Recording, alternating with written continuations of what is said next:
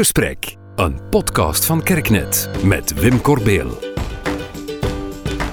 Van 9 tot 15 oktober loopt weer de Week van de Spirituele Zorg. Ik heb daarover een gesprek met Lisbeth van Oensel, die zelf in de zorgpastoraal staat. Lisbeth, stel jezelf eens even voor. Ja, ik ben dus Lisbeth. Ik ben 43 jaar. Ik ben getrouwd met een lieve man, Erik. En wij hebben samen drie fantastische kinderen, Mieke, Lennart en Jasper. Een goede vier jaar geleden heb ik de stap gezet van het onderwijs naar de zorg. Uh, en nog eens een jaar later ben ik in mijn thuisstad Aalst kunnen beginnen werken in het Onze Lieve Vrouw ziekenhuis, waar mijn vader als verpleger heeft gewerkt, waar hij later behandeld is geworden voor kanker en waar hij uiteindelijk ook overleden is. En voor mij is het nog altijd van grote betekenis dat ik een stukje in zijn voetspoor mag treden. Ja, je hebt als het ware een, bijna persoonlijke band met het ziekenhuis zelf. Eigenlijk een wel. Een deel van je leven. Ja, dat is waar. Dat is waar ja. Um, ik heb er ook zelf mijn kinderen gekregen. Ja. Het thema van de Week van de Spirituele Zorg dit jaar is zonder wrijving geen glans, crisis als kans.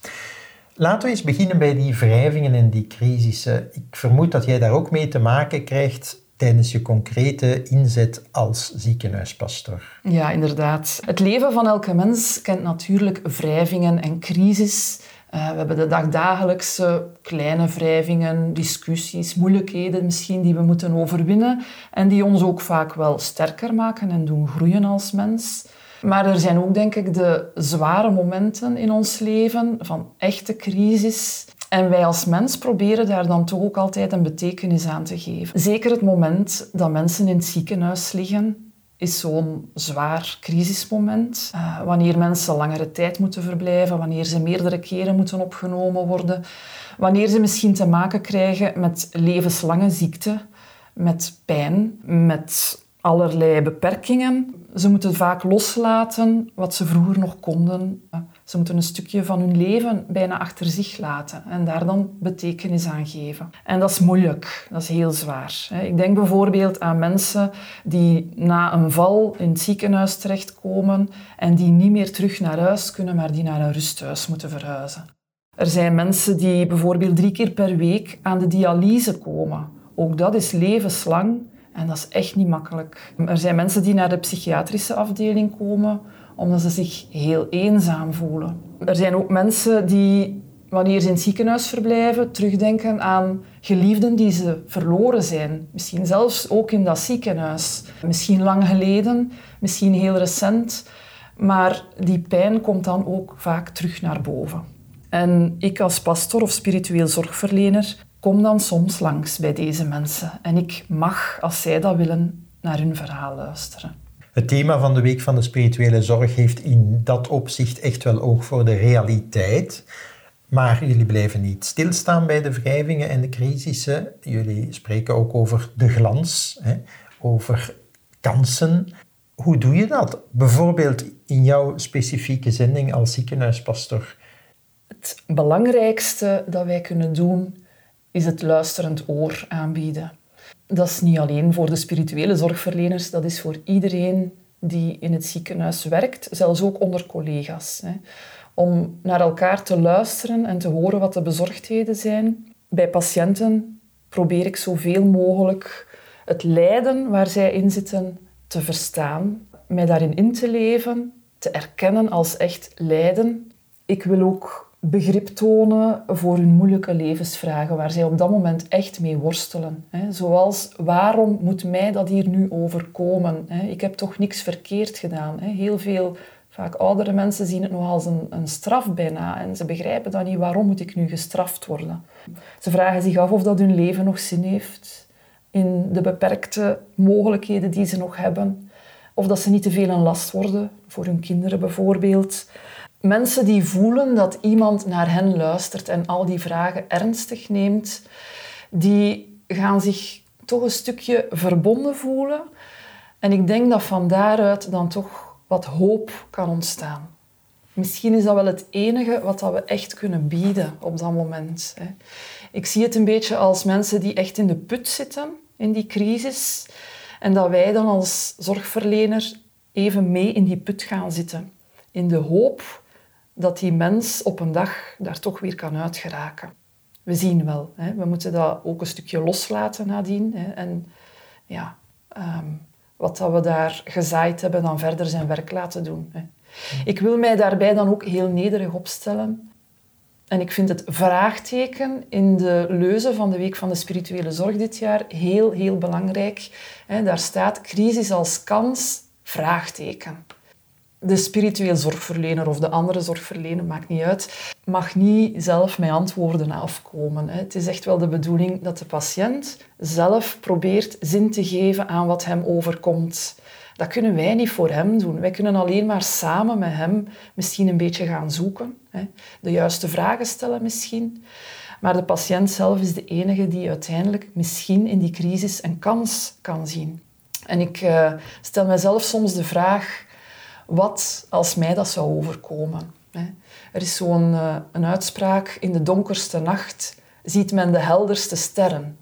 En dat is juist, als ik naar de hemel kijk in een donkere nacht, dan zie ik heel veel sterren. Maar ik vraag mij dan af, ga ik naar de hemel kunnen kijken als ik die donkerste nacht echt wel ondervind, als die mij overvalt? Dat weet ik niet. Mhm. Ja, dus ik stel mij daar heel nederig op. Hoe kleiner je bent, hoe groter de ruimte, hoe verder je gaat, hoe dichter je komt. Hoe meer dat je zwijgt, hoe sterker de woorden. Hoe meer dat je loslaat, hoe lichter je wordt. En hoe minder je praat, hoe meer je kan zeggen. Hoe meer je vergeet, hoe minder je mist. Hoe langer je kijkt, hoe groter het inzicht. Hoe dieper het donker, hoe mooier het licht. Dus open, open jouw armen.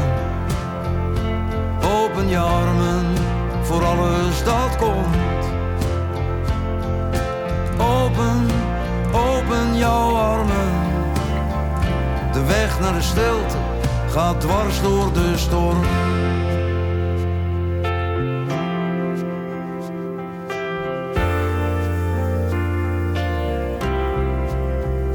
groter de afstand, hoe beter je zien kan waar je vandaan komt, waarheen je gaat.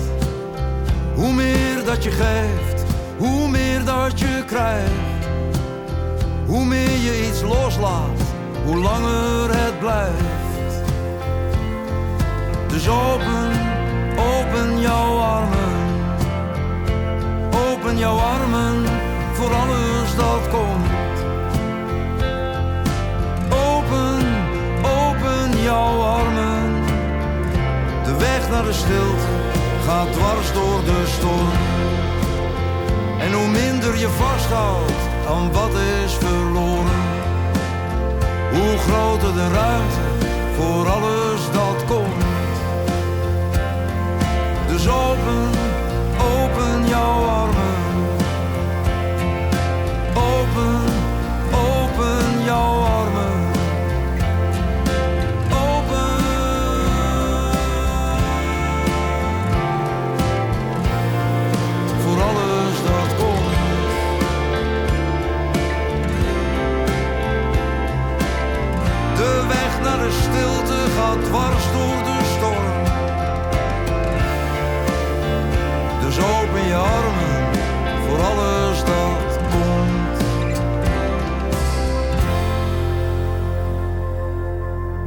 Het is zo dat patiënten die in het ziekenhuis liggen, ja, die liggen vaak letterlijk neer in een bed of die zitten in hun zetel, die kunnen misschien niet stappen, dus die staan stil op dat moment bij hun eigen leven. Dat is echt wel een moment waarbij dat ze beginnen hun leven te overdenken en zich vragen gaan stellen. Zoals bijvoorbeeld, wie ben ik eigenlijk? Ben ik nog altijd de persoon van 30 jaar geleden? Ben ik mezelf niet onderweg kwijtgeraakt? Bijvoorbeeld door te zorgen voor vele andere mensen in de drukte van het leven. Dus op dat moment keren zij misschien een stukje terug tot zichzelf en dat zie ik ook al als een kans. Hè. Zij gaan ook nadenken over relaties met andere mensen, met hun familie, met hun vrienden, met de zorgverleners. En ja, vaak in een mensenleven zijn daar ook wel wat breuken ontstaan. Een, een vader die zijn dochter niet meer ziet, ehm, een moeder die, die haar zoon niet meer ziet, enzovoort. Zeker op het moment dat mensen in het ziekenhuis liggen, denken ze daar weer over na. Misschien ligt daar ook een kans, maar ook dat weer laat ik helemaal over aan die patiënt zelf. En er is natuurlijk ook de relatie tussen die patiënt en het leven zelf. Dat wat dat ons overstijgt, want we hebben het leven niet in handen. Sommige mensen noemen dat het lot, andere mensen richten zich tot God. Het maakt niet uit, maar mensen treden in relatie met hun eigen leven. En dan maken ze zich wel eens kwaad. Dan zeggen ze, verdorie toch, waarom? Uh, ik verdien dat niet. Ik ben ontgoocheld over mijn leven. Ik had het eigenlijk anders gewild. Zeker op dat punt denk ik dat wij als spiritueel zorgverlener een belangrijke rol te spelen hebben, omdat die vragen echt mogen gesteld worden. Het is een psychisch lijden en ik hoop ergens dat wij dan samen met die patiënt een beetje op weg mogen gaan om te zoeken naar dat ene sterretje. Misschien is het wel te vinden. Misschien ook niet. Misschien vinden we geen hoop. Maar ik vind het altijd de moeite waard om het te proberen. Hè? Omdat elke mens de moeite waard is. Ja, en in die zin spelen jullie, zoals je heel terecht zegt, een bescheiden rol, maar tegelijk ook wel een heel unieke rol. Hè? Jullie maken een stukje dat mogelijk waar op dat moment alle andere betrokkenen en zorgverleners waar zij met, heel andere, met een heel andere bril naar die realiteit kijken, omdat ze ofwel vooral fysieke verzorging eh, geven, mhm. ofwel omdat ze als familie dan nauw betrokken zijn. Ja, ja, inderdaad. En uh, mensen nemen ons dan in vertrouwen omdat ze weten van, kijk, dat is iemand ja, die ook de plicht heeft om te zwijgen. Hè? Dat is toch ook mhm. wel zo. Hè? Omdat wij een buitenstaander zijn ook. Hè? En dan kunnen ze die, die moeilijkste vragen eigenlijk aan ons ook wel stellen. Ja. Want ze zijn bang om die aan hun familie te stellen, omdat ze bang zijn van hen te kwetsen. Met de dokter, ja, die heeft daar geen tijd voor om daarop in te gaan. Wij hebben de tijd. Dus vandaar dat dat heel belangrijk is. Het gaat over levensvisie, uh, het gaat over motivatie, inspiratie. En uiteindelijk zijn dat dan de fundamenten van ons leven. Hè? Mhm. Dus vandaar inderdaad dat ik dat wel heel belangrijk vind, dat ook in het ziekenhuis aanwezig is. Ja. ja. Lisbeth, tot slot, organiseren jullie in het Ons Lieve Vrouw ziekenhuis in Aalst zelf concreet iets rond die week van de spirituele zorg en het thema? Ja, we hebben dit jaar uh, kaartjes gemaakt. Uh, vier verschillende kaartjes die we gaan uitdelen op alle zorgafdelingen aan alle zorgverleners die daar komen. Het zijn kraskaartjes. Uh, we wilden eigenlijk graag het thema van zonder wrijving geen glans in de praktijk omzetten. En we hebben er dus eigenlijk van gemaakt kras en straal. En dus wanneer men het laagje wegkrast, dan komt daar een spreuk tevoorschijn die iets te maken heeft met het thema van dit jaar. En dat is het verschil met de lotto. Hier wint iedereen eigenlijk. Zo is het, ja, dat is juist. Ja. Dus dat is een eerste initiatief dat we nemen. En dan een tweede is dat we nog een patiënt gaan interviewen die momenteel al negen maanden ongeveer in het ziekenhuis verblijft, die begin dit jaar een beroerte gehad heeft. Het is een man van 52 jaar die op intensieve zorgen lang gelegen heeft, die nadien op een andere afdeling heeft gelegen en uiteindelijk toch is kunnen beginnen revalideren. Die zal moeten leren leven met beperkingen, die niet zal volledig herstellen. Hij heeft nog wat moeite met stappen, wat moeite met spreken. Maar hij durfde toch aan om voor de camera zijn verhaal te doen en over zijn crisis te vertellen, maar ook te vertellen waarom dat hij nog altijd graag leeft. En dat filmpje gaan we uh, uitzenden op het uh, televisiekanaal, op het uh, kanaal van de pastorale dienst, zodat alle patiënten in het ziekenhuis dat kunnen bekijken, in de hoop dat hen dat ook een beetje kan kracht geven. En eigenlijk vind ik het minstens even belangrijk dat ook de, de zorgverleners dat filmpje zien. Velen kennen die man. Hè, en gaan hopelijk toch ook voelen dat zij wel een belangrijke rol gespeeld hebben in zijn herstel. En um, tenslotte, ja, we hebben ook nog de interne Facebookpagina van het ziekenhuis, waarop dat we elke dag een spreuk gaan posten die met het thema te maken heeft. En op die manier hopen wij spirituele zorg toch een week lang echt in de schijnwerpers te plaatsen. Zeer mooie initiatieven, stuk voor stuk. Lisbeth van Woensel, hartelijk dank voor dit gesprek. Graag gedaan. Je luisterde naar Het Gesprek. Reacties en tips zijn welkom op wim.kerk.net. Herkende je iets in de podcast of heb je er een vraag over? Geef dan zeker een seintje. Je helpt ons ook door over deze podcast te spreken bij vrienden, familie en collega's. En misschien ken je zelfs interessante studiogasten. Laat het ons dan ook weten op wim.kerk.net.